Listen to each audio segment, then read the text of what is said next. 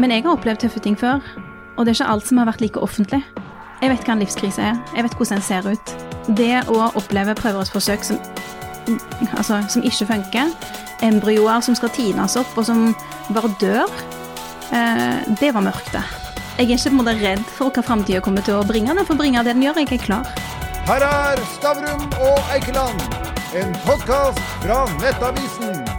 Hadia Tajik er tidligere nestleder og nå stortingspolitiker for Arbeiderpartiet. Velgerne de rømmer Arbeiderpartiet. Hva er det som er feil? Altså, Vi ligger jo ikke på et eh, spesielt bra nivå, eh, og Arbeiderpartiet har høyere ambisjoner enn dette. Men eh, jeg tror at så lenge vi driver og snakker om Arbeiderpartiet sine egne problemer, i stedet for å ta tak i problemene som folk opplever, så tror jeg dette bare vil forsterke seg. Altså, Vi er nødt til å være et parti som uh, gir svar på de uh, problemene folk opplever i sin hverdag. Og akkurat nå så handler det jo ikke minst om at det er mange som opplever at økonomien er ganske trang. Uh, det har vært forbruksundersøkelser som viser at en ganske stor andel av husholdningene allerede har spist opp sparepengene sine. Og vi vet at det ligger tøffe tider foran oss. Så vi trenger en mer treffsikker politikk for folk sine lommebøker. Jeg gleder meg til å snakke om akkurat det, men vi ta et fortsatt overblikk. Så, så, så har jo en ganske mange velgere forlatt Arbeiderpartiet, i hvert fall ifølge gallupene. Noen har satt seg på gjerdet, og noen har gått til Høyre. Og Hvis vi bare ser på disse såkalte rosa-velgerne, de som går mellom Høyre og Arbeiderpartiet, mellom styringspartiene, hva er grunnen til at de har forlatt dere? Vet du hva, eh, Man kan eh, se seg blind på uh, den type meningsmålinger, og man kan overfortolke de. Eh, det jeg tenker at er viktig, er at vi som politisk parti uansett konsentrerer oss om nettopp det. Om politikken, om livene til folk, om hverdagen deres. Eh, og så lenge blikket vårt ligger der, og fokuset vårt er der, eh, så vil det både være bra for landet, men det vil òg kunne ha den sideeffekten at, at man har en annen tillit til Arbeiderpartiet. At man tenker ja, men ok, de ser faktisk hvordan jeg har det. De tar tak i det jeg opplever. Jo, men, men akkurat det du sier der, det har jo Jonas sagt hele veien ned. Altså Nå er det godt under 20 altså middelklassen som stemte Arbeiderpartiet for 10-20-30 år siden, de stemmer jo nesten ikke Arbeiderpartiet lenger. Altså, hva skyldes det? Jeg tror som sagt at man skal være litt forsiktig med å overfortolke den type ting. Men det er ingen tvil om at Arbeiderpartiet akkurat nå eh, ikke ligger spesielt bra an på målingene. Eh, at det har forsterka seg over tid. Og at vi er nødt til å jobbe ganske systematisk framover for å klare å løfte oss. Og vi må jobbe langs flere spor, både organisatorisk, vi må jobbe med politikkutviklinga. Eh, vi er rett og slett nødt til å bygge opp troverdigheten vår igjen. Men der er det én ting som er helt sentralt. Og det er hvilke løsninger er det vi tilbyr folk. Og jeg mener at eh, for Norge akkurat nå, så er det jo særlig liksom langs tre spor vi er nødt til å jobbe med politikkutviklinga. Det ene er det som handler om arbeid og verdiskaping, altså vi må skape verdier for å kunne dele de. Det andre er det som handler om rettferdig fordeling. Vi ser at det vokser fram en helt ny fattigdom i Norge, det må vi ta tak i. Og det tredje er det som handler om koblingene mellom kraftpolitikken og klimapolitikken. Der er vi rett og slett nødt til å være bedre.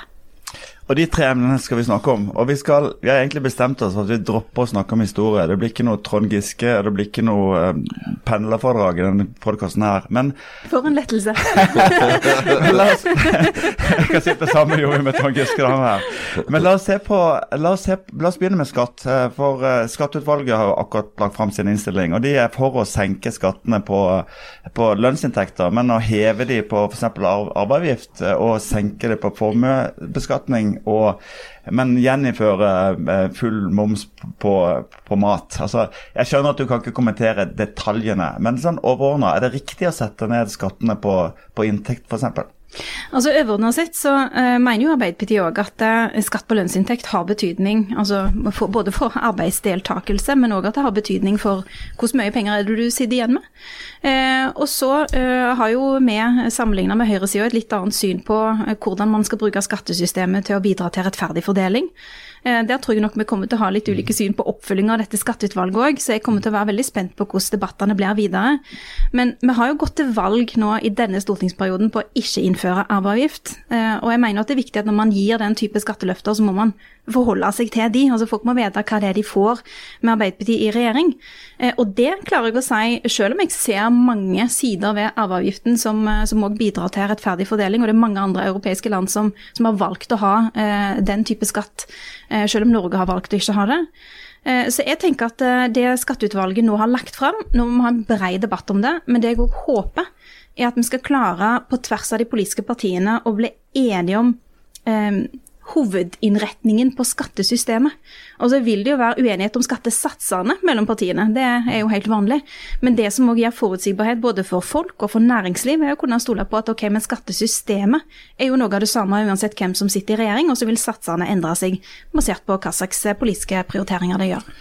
For å følge opp det litt, så har Hanne Skartvedt skrevet en, en, en kommentarartikkel i VG rett før helga hvor hun kritiserte Arbeiderpartiet for å ikke gjør som de pleide å gjøre, nemlig å reformere reformer som har gått galt, men at han nå på en måte litt samme Senterpartiet har gått inn for å, å skru tida tilbake igjen. Og for, å ta akkurat det poenget når det gjelder skatteutvalget nå.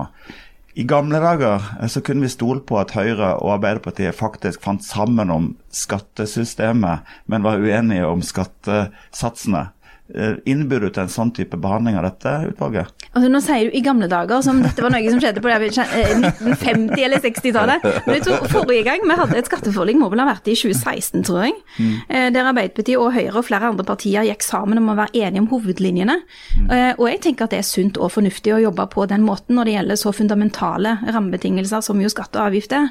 Mm. Dette utvalget ble satt ned av en høyreregjering. Eh, den er blitt fulgt opp av en Arbeiderparti-ledet regjering, gjort noen endringer i mandatet, men, men hovedlinjene ligger jo fast i den, den, bestillingen som de har fått. Eh, så mitt håp er jo at de diskusjonene dette vil skape, at man vil kunne klare å lande det på tvers av partiene om å være enige om systemet, og kanskje uenige da, om skattesatsene. Så nå skal Høyre og Arbeiderpartiet bli enige om at det skal bli skatt på gevinst på salg av bolig? Altså, det er ikke sånn at eh, jeg kan liksom eh, her sitte og love hva som kommer til å bli den endelige innretningen på det man til slutt lander ned på, etter en lang høring på et skatteutvalg som har jobba lenge. Eh, men jeg tror det er fornuftig for landet vårt at man klarer å ha eh, forutsigbarhet omkring eh, noe som er så sentralt som skatte- og avgiftssystemet. Eh, og det er, jeg vil understreke at det er forutsigbart òg å vite at et parti som Arbeiderpartiet ønsker mer rettferdig fordeling gjennom skatte- og avgiftssystemet enn det Høyre gjør. det er det vi har pleid å gå til valg på. Vi har gjort det, gjort det denne gangen òg. Så det bør ikke komme spesielt overraskende at f.eks. et parti som Arbeiderpartiet eh, innfører en eh, ekstraordinær beskatning knytta til vannkraften, når inntektene har vært så høye som det har vært eh, i dette ganske ekstraordinære året.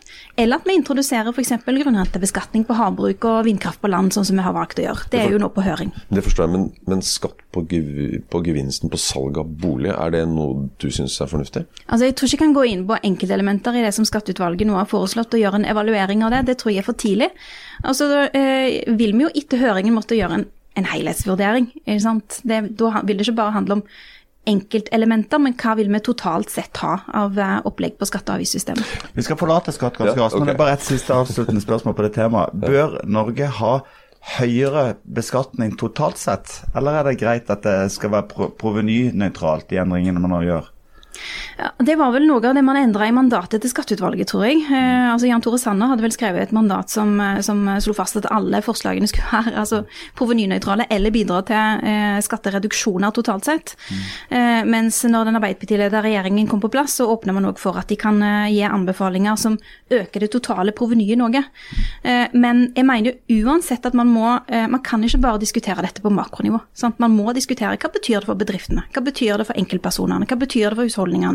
Man er nødt til å ha det nære perspektivet òg når det er snakk om skatt og avgift. Og her er det òg viktig å huske det som OECD har påpekt, nemlig at eh, Norge ligger faktisk ganske lågt når det er snakk om f.eks. skatt på, på, formue, når man ser på formuesobjekter totalt sett, sammenlignet med ganske mange andre land som har valgt å f.eks. skattlegge eiendom eh, høyere enn det vi har valgt å gjøre i, i Norge. Jo, men eh, altså, Vi skal opp på skatt, men vi, vi må gjennom. Vekst og nyskapning, det er jo viktig for dere og deg. Eh, og da lurer jeg på, Nå er vi nesten en av de få landene igjen som har denne eh, formuesskatten. Eh, svenskene avskaffa det i 2007. Ok, Det var en borgerlig regjering som gjorde det, men eh, sosserne har jo styrt eh, i mange mange år og ikke tatt den tilbake. Altså, Ser ikke Arbeiderpartiet at den er med på å dempe eh, verdiskapningen i næringslivet. Altså nyskapningen. Ser de ikke det? Men du har jo ikke grunnlag for å si det. Hvorfor har du ikke grunnlag for å si det? Det man derimot har grunnlag for å si, er at ja. formuesskatten òg bidrar til, til, mer eh, fordeling av det som finnes av eh, verdier i dette landet her. Men det å påstå at formuesskatten eh, har vesentlig betydning for eh, investeringslyst og investeringsevne i dette landet, det har man bare anekdotiske, eh, anekdotiske bevis Se hva svenskene får til, da. Altså, de har jo ikke noe olje og gass og sånt å falle tilbake på som, som vi fortsatt har veldig mye av, kommer til å ha i mange år. Altså, De har jo skapt Spotify, Hennes og Maurits, Ikea, Volvo Ok, Nå har det gått til helvete, men, men uansett, det var jo bra Og lenge. Ja, ja, jo, jo, men likevel. Ikke sant? De klarer å skape noe. Ikke sant? Ser du ikke det? Altså, eh, Når man har gjennomganger og hva er det som betyr noe for verdiskapingen, så viser det seg jo at eh, skatt og avgift er ikke nødvendigvis det som er det mest avgjørende. Altså OECD eksempel har jo sammenligna verdiskaping per innbygger med skattenivå. Eh, Og en av de tingene de fant ut, er at du, du finner høy verdiskaping både i en del land med et høyt skattenivå, og du finner det i en del land med et lågt skattenivå. Men en sånn variabel som virkelig betyr noe for investeringslyst, evne, verdiskaping, det er demokrati. Sant? Det er det å være et land der folk faktisk får muligheten til å delta, eh, at de får muligheten til å ta en ordentlig utdanning, at de får en reell sjanse i arbeidslivet, og at man får det uavhengig om man er mann eller kvinne. Hvit eller brun, rik eller fattig. Så det å gjøre den type sosiale investeringer som vi er opptatt av å gjøre i Norge, særlig med en Arbeiderparti-ledet regjering, det har virkelig stor betydning for eh, næringslivet. Og så trenger du litt privat kapital, og nå flytter den jo ut. Nå flytter den til Sverige. Ikke sant? Ikke, lenger, ikke til Sveits, men til Sverige. Så ser du, Tror du ikke det er litt viktig å ha disse kapitalistene som er med og skaper litt, eller? Altså Det er interessant akkurat det, for E24 har jo sett litt på eh, hvordan mange er det som faktisk eh, flytter ut av eh, landet av eh, personer med mye personlig rikdom. Eh, og de mener jo at i perioden mellom eh, 2011 og 2022 så er andelen rike som da har flytta ut av landet, altså blant de som er rike i Norge, er 2,4% Altså en relativt marginal andel av det som er en relativt liten del av befolkningen i utgangspunktet. Så det å eh, på basis av det si at eh, dermed så har investeringslysten i Norge gått vesentlig ned, det har du ikke grunnlag for. Nei. Vi blir Men- ikke enige. Vi blir ikke enige. Nei. Nei, men Det er interessant å høre forskjellige nyanser av Arbeiderpartiet utspille seg. Men la oss, gå til, la oss fortsette på, på, måte på vekst og verdiskaping. Eh, eh, hva er det som skal til for at vi skal øke veksten i Norge betydelig? Altså Det er flere ting som må til. Um, og staten har en viktig rolle i å legge til rette for at man, eh, altså næringslivet skal kunne tørre å ta risiko, at man skal uh, ha en reell sjanse til å kunne være gründer, ha nye ideer og bygge videre på det. Um, og jeg som politiker må jo på en måte ta stilling til hva er det staten kan og bør gjøre, og så må jo næringslivet sjøl ta stilling til hva vil de investere i, hva er det de vil uh, gjøre av sine prioriteringer. Eh, Og staten eh, kan eh, by på økonomiske muskler, for staten kan òg være en kapitalaktør. Stille til rådighet risikokapital for noen som ønsker å satse. Staten kan gjøre endringer i reguleringer som betyr noe for rammebetingelsene for om du tør å gjøre det. Om du ser mulighetene. altså Man tildeler konsesjoner, man har utlysninger. Det har klart det, det har betydning f.eks. rent konkret på havvind. Bare det at man nå har eh, satt i gang arbeid knyttet til, til eh, Sørlige Nordsjø og Utsira Nord, og, og, hele bransjen vet at det kommer mer i 2025, det gjør det mulig for de å planlegge litt mer langsiktig. Og så er det klart at staten òg har en rolle knytta til skatt og avgift, som vi nettopp var inne på. fordi hvordan du vrir på skatte- og avgiftssystemet, det er ikke sånn at det er helt uvesentlig for investeringer. Man kan jo f.eks. gjennom endringer i skatte- og avgiftssystemet gjøre det mer interessant å gjøre investeringer i fornybarnæringer f.eks., som kommer til å være viktig for Norge å være posisjonert i på et eh, tidspunkt der veldig mange andre land òg vil forsøke å konkurrere akkurat der. Ja, Da var det viktig at oljepakka ble vedtatt, da. Og der har det jo, altså Oljepakka var jo viktig, fordi eh, det holder jo liv i både verftene våre og holder kompetansen ved like i verftene våre. Vi vet jo at hvis det er verft som må skru av lyset, så er det ikke sånn at vi to år senere kan si nå skrur dere på lyset igjen, for nå skal vi sette i gang arbeid. Altså Den kompetansen er jo ferskvare, ikke sant? Jo. Og oljeskattepakka bidrar til akkurat det. Um, Men det utsetter jo også havinvesteringer i, eh, i bærekraft, da. Nå har det skjedd noen eh, justeringer vil jeg si, i oljeskattepakken ved at man har tatt friinntekten noe ned, som gjør at det blir kanskje mer balansert. Eh, men jeg mener at det har vært viktig i, i det som har vært en tøff tid for um, ikke bare si, ikke først og fremst petroleumsnæringa, men leverandørindustrien. At vi har klart å sikre de forutsigbarhet for at de har aktivitet i årene som kommer. Det er en, en så viktig del av norsk næringsliv, og en, et så viktig fundament for den kompetansen vi trenger for framtidige investeringer, at risikoen ved det å ikke gjøre noe eller ikke gjøre nok, den var for stor til at man kunne la være. Men altså, på, I mange av disse sakene så er jo Høyre og Arbeiderpartiet ganske enige. Men jeg, jeg syns det er ganske rart å se Terje Aasland eh, blir begeistra når han får liksom elleve feltutbyggingsforslag fra Aker, eh, som om det er en super ting. Det betyr jo at vi skal investere 200 milliarder kroner i mer olje og gass i en tid hvor vi har mer enn nok olje og gass i verden. Så klimabekymringen, da begynner jeg å lure på er den reell, eller er den bare til å smykke seg med? Jeg tror at vi må ta inn over oss eh, at eh, vi som land og verden som helhet ligger bakpå eh, i det å kutte nok klimautslipp i tide til å unngå store og relativt katastrofale eh, temperaturendringer for store deler av, eh, av verden. Eh, og det er en erkjennelse som jeg mener at må synke ordentlig inn på tvers av de politiske partiene. Når det er sagt, så viser jo den europeiske sikkerhetssituasjonen nå, når Putin holder igjen på eh, gassleveransene, hvor viktig det òg er å ha forutsigbarhet knytta til eh, stabil energiforsyning. Eh, og realiteten for veldig mange land, de aller, aller fleste, er jo at stabil energiforsyning knytter seg til nettopp olje og gass, altså fossile energikilder.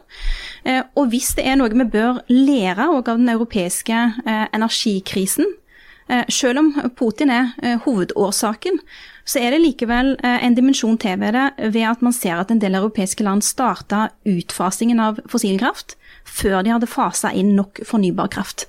Så vi er nødt til å klare å skape stabilitet i energiforsyninga samtidig som vi selvfølgelig òg gjør investeringer som sikrer at vi har tilgang til mer fornybar kraft framover. Men, men det, gjelder, det, er jo ikke et godt argument for den norske situasjonen. Vi er jo eh, bare siste måned store nettoeksportører av elektrisitet. Vi har jo vært, eh, vi har eksportert olje og gass så det holder.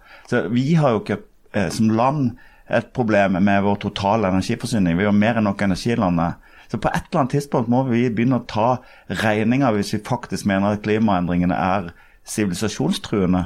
Altså, Vi må snakke ærlig òg om hva som er energisituasjonen til Norge. Vi har jo opplevd å være nettoimportør av kraft til Norge, eh, både i 2019, vi opplevde det i 2010. Eh, de framskrivningene vi har i dag eh, fra f.eks. Statnett tilsier at vi risikerer å gå mot kraftunderskudd i Norge fra 2027, altså særlig i Sør-Norge, men at man kan få tilsvarende situasjon i Nord-Norge kort tid etter det. Eh, og det er i en sånn situasjon å eh, eh, både tro og å smykke oss med at vi er i en situasjon der, der vi ikke trenger å tenke på utbygging av kraft, tilgang til kraft eller stabil energiforsyning, det er faktisk å lure seg sjøl. Jeg kjøper det hvis du snakker om fornybar kraft, men jeg kjøper det ikke for olje- og gassutvinning. Det vil uansett ta 10-15-20 år for disse feltene faktisk gir oss olje og gass. da. Så det er jo, det er jo det vi trenger å få fart på, det er jo utbygging av, av, eh, av ny kraft som er miljøvennlig. Altså For å ta olje- og gassdimensjonen, da. Altså for første er det, ingen tvil om at man trenger gass, eh, særlig for å stabilisere eh, den europeiske energisituasjonen. Og Norge har blitt en enda viktigere gassleverandør gjennom, gjennom det siste året. Men du må jo òg spørre deg sjøl. Hvem vil du skal stå for eh, petroleumsutvinninga? Skal det være land som Norge som gjør det på en ordentlig og skikkelig måte, på en sokkel der man stiller ganske strenge klimakrav allerede?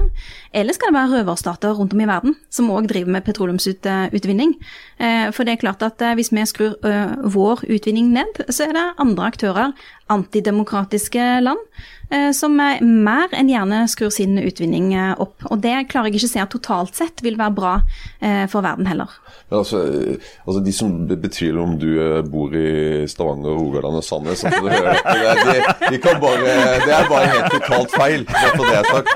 Men, men, men, men den der, altså, hvordan kan, for du nevnte det i sted, politikerne Særlig i EU, altså dette går ikke på kritikk av dere i Norge, men, men har vært så naive og tatt det skiftet så raskt, slik at man plutselig har det underskuddet vi har. Og, og det blir vårt problem, mm. for vi er en del av det. Altså, Hvordan er det mulig?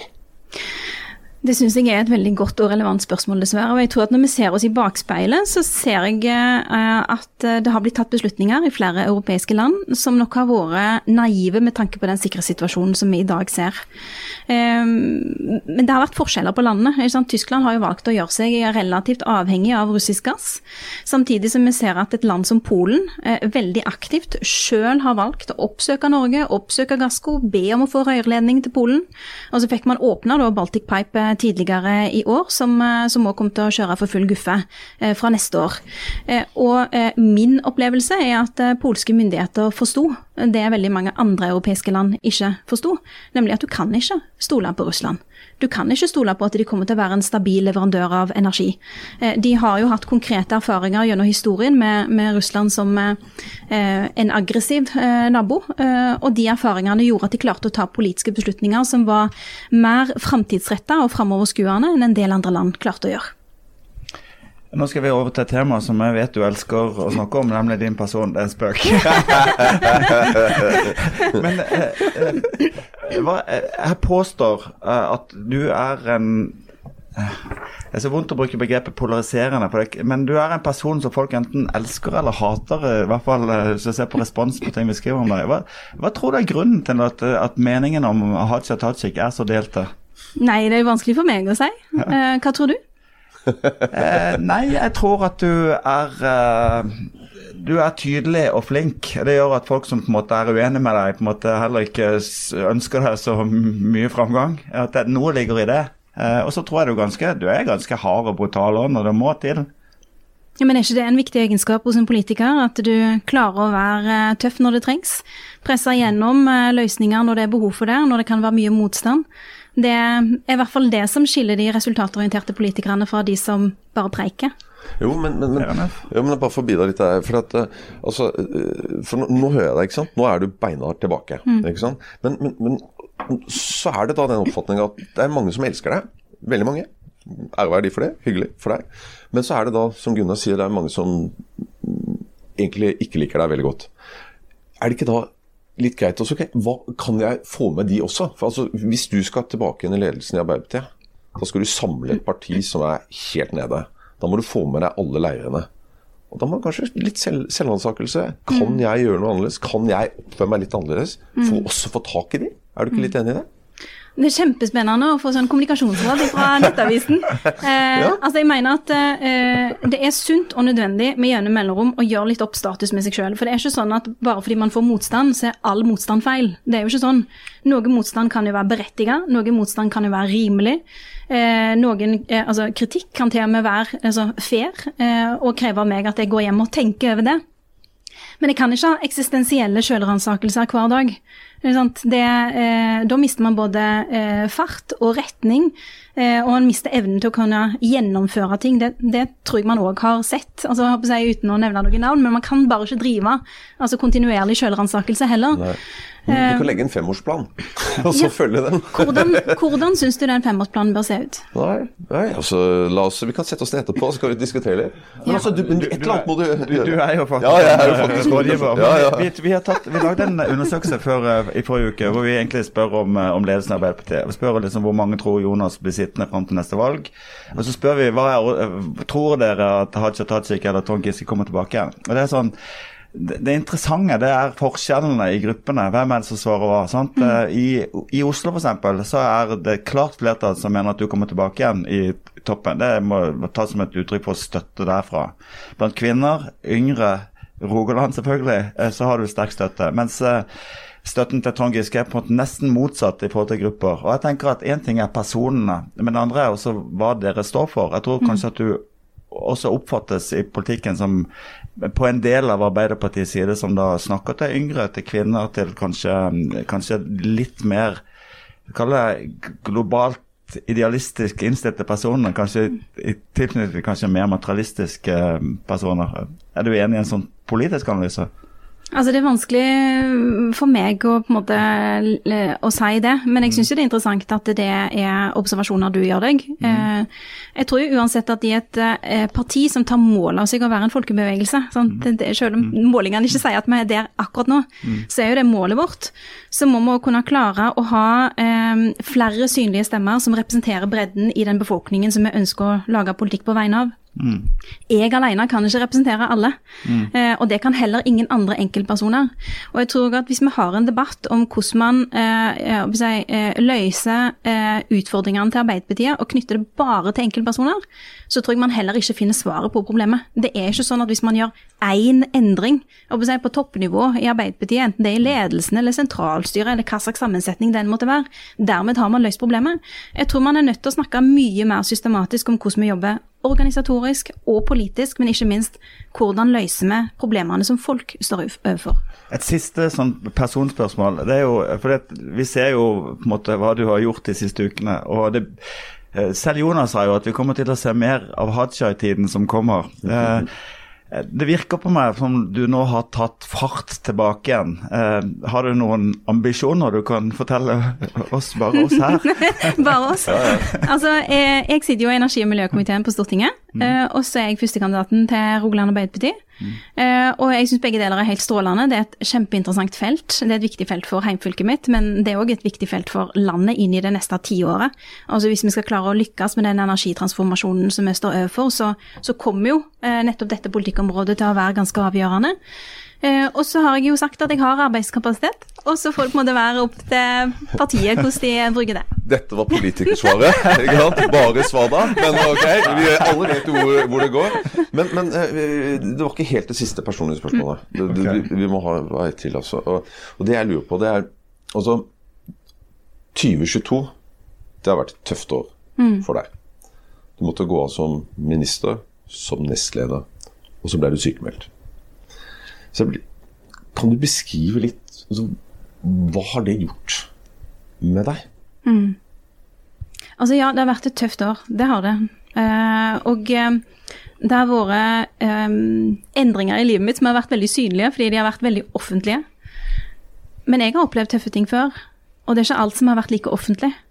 Og en ting som var veldig til hjelp for meg når jeg sto i si, den eh, situasjonen som jo eh, all medieoppmerksomheten i vinter jo innebar, og sykemeldingen òg innebar, det som hjalp meg, var å vite at eh, dette er ikke en livskrise. Jeg vet hva en livskrise er. Jeg vet hvordan den ser ut. Den ser ikke sånn ut. En livskrise er når du kjenner på rent sånn eksistensielle spørsmål knytta til hvem er det jeg er? Eh, hvordan kommer dette til å gå? Hvordan kommer livet mitt til å bli? Eh, og jeg har opplevd det flere ganger, eh, men en av gangene har vært helt konkret knytta til at eh, jeg har gått i mange år og lurt på om jeg kan bli mor. Fordi jeg har en eh, medisinsk tilstand som gjør at det er ikke så lett for meg å, å bli gravid. Eh, og det har eh, i lange perioder ført til mye grubling. Og jeg vil si mye nedetid hos meg, men som ikke har vært kjent. For jeg har ikke diskutert det med andre, jeg har ikke gjort det til tema på arbeidsplassen min. Jeg har ikke villet bli bedømt på at jeg egentlig går og bærer på dette, eller at jeg i perioder har vært gjennom prøverørsforsøk som har vært mislykka. Det har vært livskriser. Det å oppleve prøverørsforsøk som, altså, som ikke funker, embryoer som skal tines opp, og som bare dør, som ikke engang kan brukes, eh, det var mørkt, det. Eh, og uvissheten om jeg noensinne ville klare det. Og nå har jeg jo fått en liten jente, hun er to år gammel. Gratulerer med det. Ja. og det er jo eh, helt nydelig at det gikk bra. Eh, men det perspektivet gjør jo òg at, at, jeg forstår at selv om jeg har gått av som arbeidsminister, gått av som nestleder, så har jeg ikke slutta å være meg sjøl. Jeg er meg sjøl. Jeg er den jeg var. Og, og, det gjør at jeg er ikke på en måte redd for hva framtida kommer til å bringe. Den får bringe det den gjør. Jeg er klar for det mm. den har å by på. Jeg, jeg føler at du der snakker om, om noe som er relativt vesentlig for politikere, og det er å eh, anerkjenne at det er et virkelig liv der ute. Måte, og jeg tror på en måte det gjør deg på en måte mer mottakelig for andres tilsvarende livserfaringer, at du, at du har gjort deg de refleksjonene. Jeg håper jo det. Jeg ser i hvert fall det sjøl. At eh, selv om jeg ikke likte å tenke det når jeg var yngre, så har livserfaring noe å si. Sant? Det gir andre perspektiver, det gir en annen dybde i livet. Det gjør at når du eh, drar hjem fra jobb, så, så ser du på hva som er egentlig er viktig. Og for meg i hvert fall så er det den stabiliteten som den nære familien min gir. Eh, barnet eh, mitt og, og mannen min, eh, de er det viktigste i livet. Men eh, hvis vi snakk, fortsetter å snakke om andres eh, litt tunge tider, så, så jo eh, så skal vi litt innom fattigdomsbekjempelse i Norge. Altså, vi, vi har et land som i år har 1000 milliarder kroner i overskudd på statsbudsjettet. Eh, neste år 1500 milliarder kroner overskudd. Samtidig så har vi matutdeling til, mm. til fattige folk i, i, Norge. Og ikke minst ukrainske, nei, ukrainske asylsøkere som kommer til Norge, står jo i kø for å få mat. Mm. Hvordan i himmels navn kan det være sånn? Det burde ikke være sånn i et av verdens rikeste land at man ser at det både er så mye fattigdom, og at det vokser fram en helt ny type fattigdom. Uh, altså Tallene viser jo både at uh, um, andelen folk som oppsøker frivillige hjelpetilbud, som Matsentralen, at det har økt ganske betydelig. Men òg at det er ganske mange som tar opp lån for å ha råd til melk og brød. Sant? SIFO sine tall tilsier at nesten 14% av husholdningene gjør faktisk det. Altså til, til nødvendighetsvarer. Og jeg mener at vi som har vært så opptatt av å bygge en velferdsstat, eh, som jo Arbeiderpartiet jo har vært opptatt av, vi må også spørre oss sjøl hva er det eh, vi ikke har lykkes med, som gjør at folk heller går til et frivillig tilbud, eller heller går og tar opp forbrukslån til det vi kan anta er høye renter, heller enn å gå til Nav og be om hjelp der. Da har vi gjort den terskelen for å få hjelp litt for høy. Um, avmakten i møte med den store institusjonen som Nav òg er, er for sterk. Eh, og dette er jo òg ting som nettopp vi i arbeiderbevegelsen er nødt til å løse. Bare for å ta et, et, et detaljspørsmål rundt akkurat det. Så, jo, så, har vi jo et vel, Poenget med Nav var jo på en måte at du skulle ha et sted å henvende deg. Mm. Og Samtidig så har vi i dag et system hvor, du, hvor sosialhjelpssatsene bestemmes lokalt. Så eh, Det gjør jo på en måte at selv om dere på tinget gjør ting bedre, så kan kommunene respondere med å ta tilbake en del av, av pengene. Må hele det systemet reformeres? Man er i hvert fall nødt til å se på hvordan eh, det ender opp med å slå ut i praksis. Eh, man har jo mye veiledning fra nasjonalt hold på eh, hvordan, altså praktisering av regelverk knytta til sosialhjelp, men jeg tror det er riktig at man òg har rom for det lokale skjønnet. Fordi det kan være ganske stor variasjon både i folk sine behov og folk sin livssituasjon, og i lokale forhold knytta til hva, hva, slags økonomiske behov det tross alt er. Jeg ble veldig glad for å se at arbeidsministeren sendte ut en veileder nå ganske nylig med klar beskjed om at man ikke skal praktisere regelverket knytta til eh, krav om realisering av verdier, altså det å selge bilen sin f.eks., eller selge eiendeler for å kunne kvalifisere for økonomisk sosialhjelp. Eh, jeg ble glad for å se at du sendte en veileder om at man skal lempe på de kravene. Jeg mener at det er rett håndtering i en situasjon der, der det er ganske mange som trenger hjelp. Og vi i mitt fylkeslag, i Arbeiderpartiet, Rogaland Arbeiderparti, mener jo at vi overordna sett òg må se på om vi har gjort det for vanskelig å få den økonomiske nødhjelpen som sosialhjelp tross alt skal være. Og så kom du med en brannfakkel som du faktisk har fått støtte fra Nettavisen på, nemlig forslaget om å øke eh, barnetrygden, men å skattlegge den. Hva er, hva er, grunnen til at du eh, ønsker det? Fordi Det er en ganske sånn treffsikker måte å hjelpe barnefamiliene på. og Man vet at eh, fattigdommen blant familier med barn har økt ganske dramatisk gjennom eh, mange år nå. Eh, med opp i en andel på nesten 11% av familiene med barn som, som lever eh, i det man kan kalle fattigdom. Og hvis man gjør den endringen, som da jeg og Rogaland Arbeiderparti foreslår, eh, ved å inntektsbeskatte barnetrygden, så kan man øke den ordinære barnetrygden fra det som er omtrent 12 000 kroner, til omtrent 20 000 kroner. Så det er altså en, en ganske vesentlig økning, og den er provenynøytral for staten. Altså at det vil ikke koste staten en eneste krone å bidra til den type økning, fordi man sikrer omfordelingen bedre gjennom inntektsbeskatningen. Um, jeg mener at det er verdt at man går inn og ser på nettopp den type virkemidler, for hvis det er noe barnefamiliene mangler akkurat nå, så er det penger. Det er penger til melk og brød og strøm og helt ordinære utgifter, og det må vi ta på alvor. Men, men altså, hvorfor kommer ikke regjeringen med dette forslaget? Hvorfor er det Rogaland Arbeiderparti som kommer med et sånt forslag? Ja, nei, Det må du spørre regjeringen om. Ja, jeg forstår det ikke. Og da kommer vi tilbake til Jonas. Vi må nei, tilbake til Jonas. Men, men for å svare, for å svare okay. seriøst på det. altså, eh, Selv om Arbeiderpartiet sitter i regjering, så er det ikke sånn at man, man setter en sånn pauseknapp på all politikkutvikling, og dermed stopper politikkutviklingen, eller dermed er det bare regjeringen som kan komme med politiske forslag. Sånn kan det ikke være. Jeg mener jo at i en levende partiorganisasjon og i et eh, velfungerende demokrati så kan de gode ideene komme fra hvor som helst. De kan til og med komme fra Nettavisen! De kan komme fra Rogaland Arbeiderparti. Det er ofte du har hørt på Nettavisen, det skal jeg love deg. Men, men, altså, men Jonas, hva, altså alt de gjør, blir jo galt. Altså Selv det å ansette en kommunikasjonssjef blei galt. Altså, hva, hva, hva skal til for at Jonas gjør noe riktig? Altså Jonas gjør veldig mye rett, og han gjør veldig mye bra. Og, Han gjør mye altså, galt også. eh, altså Det har nå i hvert fall blitt sånn at eh, Arbeiderpartiet opplever å være inne i en fase der liksom alt vi tar i, eh, altså eh, har Ja. sine utfordringer ved det. Der sa du det. Eh, men men sånn er det jo ofte. Ja. Ikke sant? At når du opplever krevende tider, så blir det litt sånn selvforsterkende. Og sånn er òg mediedynamikken. At, at alt blir tolka inn i et negativt lys når du først er inne i en litt sånn negativ spiral. Men hvis det er noe Arbeiderpartiet har vist, så er det at vi klarer å snu det. Vi har i hvert fall klart det før. Altså, et, eh, En måling som var et skikkelig sånn bunnpunkt for oss, det var i 2002. Eh, Da var vi nede på 14,2 eh, Og jeg kan love dere det at det var ganske mange som spådde vår snarlige død den gang òg. Men det man viste, er jo at ved å jobbe systematisk, ta folks utfordringer ordentlig på alvor, finne gode løsninger for de utfordringene som folk opplever i sine liv, ha den nærheten til folk, det er klart at det òg betyr noe for den troverdigheten som partiet klarer å bygge opp. Og det opplever jeg at veldig mange er motiverte til å få til. Inkludert Jonas.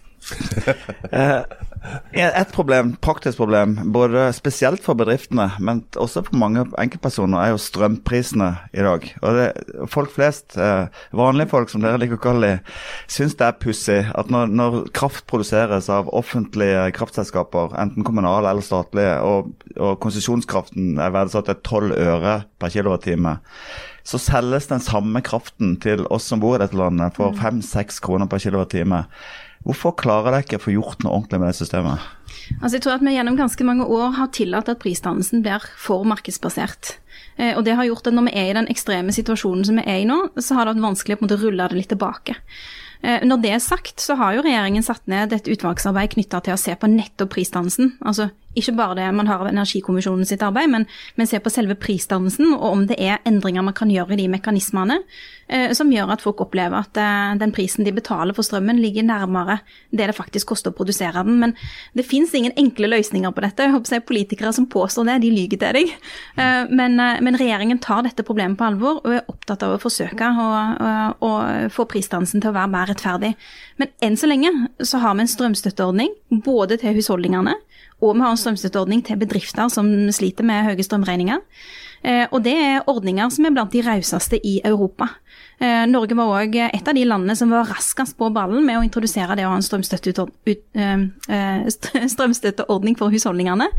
Og jeg mener at det er rett, sånn som situasjonen nå er, at staten faktisk tar en så vesentlig andel av folk sine strømutgifter. Men det er et politisk valg hvordan de strømstøtteordningene skal, skal ut, utarbeides. Vi kunne godt ha sagt at det var 30 øre og 100% over 30 øre, så det er, et, det er jo et politisk valg også. Ja, det er det. Eh, og, og det er også et politisk valg at, at strømstøtten til næringslivet den syns jeg personlig er bortimot patetisk. Det er nesten ingen bedrifter som virkelig har nytte av den. Så der har de gjort et annet politisk valg, nemlig å tenke at hvis ikke bedriftene klarer å skape verdier med det som er markedsprisen på strøm, så får de heller gå konk. Det er jo et politisk valg. Du har helt rett i at det er ikke Gud som har skapt disse ordningene, det er det politikerne som har gjort.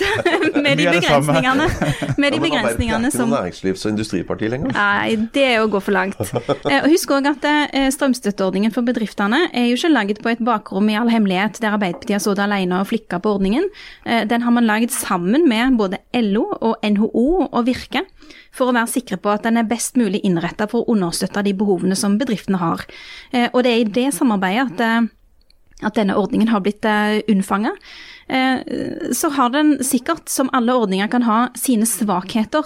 Men av og til må man òg gjøre en avveining mellom det å introdusere en eh, ordning mens problemet faktisk er der, eller det å bruke så lang tid på den at du kommer for seint og får bakpå med en ordning eh, etter at behovet allerede har meldt seg for, for ganske lenge siden.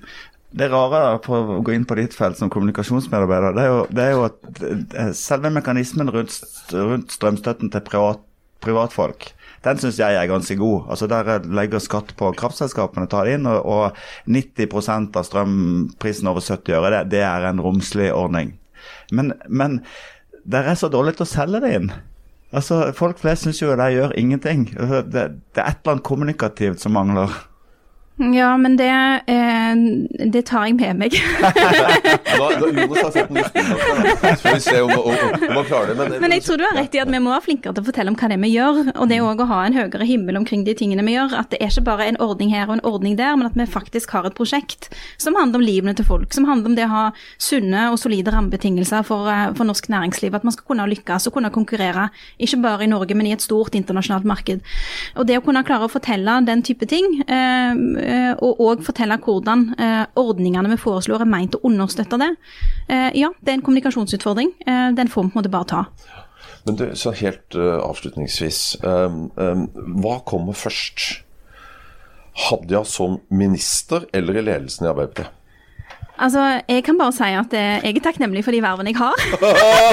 Nå, nå er det kommunikasjonsrådgiveren som snakker. Kom da.